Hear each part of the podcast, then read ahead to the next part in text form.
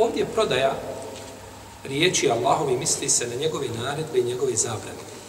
Ono što uzvišen je Allah Azza wa objavio, da se to ne prodaje za nekakvu dunjalučku vrijednost i da čovjek je tako podložan da mijenja Allahove naredbe i njegove zabrane shodno svojim dunjalučkim koristima. Nego da čovjek se znači drži onoga što uzvišeni Allah te barake wa ta'ala objavio i da bude njegova spoljašnjost da odgovara njegovoj nutrini. I njegova nutrina njegove spoljašnjosti. I da je čovjek pred ljudima kao i kada je sam. Jer tako često čovjek pred ljudima kada se nalazi, on tad, jel tako, nastoji da bude što primjerniji musliman. I da se pokaže takvim. A kad se osami, više ta pravila ne. I za takva je došla posebna prijetnja u sunnetu poslanika, sa osvrame, u hadisu Teubana, bana, koga bilježi imam ibn Mađe, se vjerodostanim lancem prenosilaca, kaže poslanik, sa osvrame, le e'alemenne akvamen min ummati yatuna yawma jeume qiyameti bi hasenatin amsali džibalete tihim. Amsali džibali tihame. Kaže, znam ljude iz moga umeta koji će na sudnjem danu doći sa dobrim djelima kao bijela brda Tihameta. To su brda između Jemena i Hidžaza koja su bila, velika brda.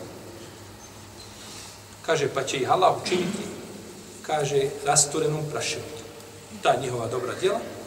Pa kad su pitali sahabi, ko su ti ljudi, Allah poslaniče, kaže, to su, kaže, vaša braća, sinovi vaše kože, govore vašim jezikom. Walakinnahum aqwamun idha khalu bima harim Allah intahuha ali kaže to su ljudi koji kada se osame prelaze Allahove granice. Prelaze Allahove granice u osam. Pa je čovjeku bitno da zadrži kurs. Kurs da zadržiš i da se ne mijenjaš onako kako a, a, onaj ambijent nalaže. Ima hadis koji imama Ahmed od Ibn Omar radijallahu anhuma. Vjerodostojan hadis da je poslanik sa osam rekao, kaže, li kulli amelin širretunu fetra. Kaže, svako djelo koje čovjek čini ima svoj vrhunac, ima svoju najnižu tačku u padu. Kaže, فَمَنْ كَانَتْ فَتْرَتُهُ إِلَا سُنَّةٍ فَكَدْ أَفْلَحِ Kaže, onaj čiji, a, onaj ko bude na silaznoj putanji, i bude usmjeren prema sunnetu, ja vam to opisno prevodim. I bude usmjeren prema sunnetu, kaže on je uspio. Znači ti radiš određeno djelo.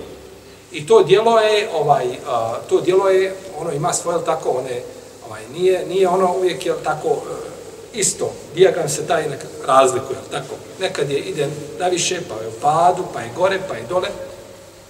Kaže kome na silaznoj toj putanji, kad ide na niže, kad čovjek osjeti futur, kad osjeti malaksalost, kad osjeti e, nekakvu mrzolju da nešto radi, kome na, u toj silaznoj putanji njegova dijela budu išla ka sunnetu, kaže on je uspio. Omen kane tila gajri zalike fekad heleka, ko bude suprotno tome, on je, on je upropašten. Hoće se kazati, ti kad si mrzovoljan da nešto radiš i kad ti se ne da, gledaj da i tada budeš šta? Posud. maksimalno koliko možeš truditi se.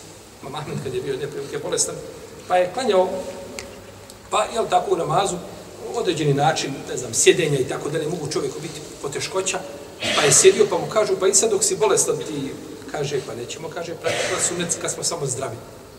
Sunnet se praktikuje uvijek. Pa kaže poslanik, sa osaname, znači da hoće kazati ovdje da čovjek nastoji se da uvijek bude da njegov trud i njegov rad i, i njegova težnja budu ka, ka sunnetu. Ka sunnetu.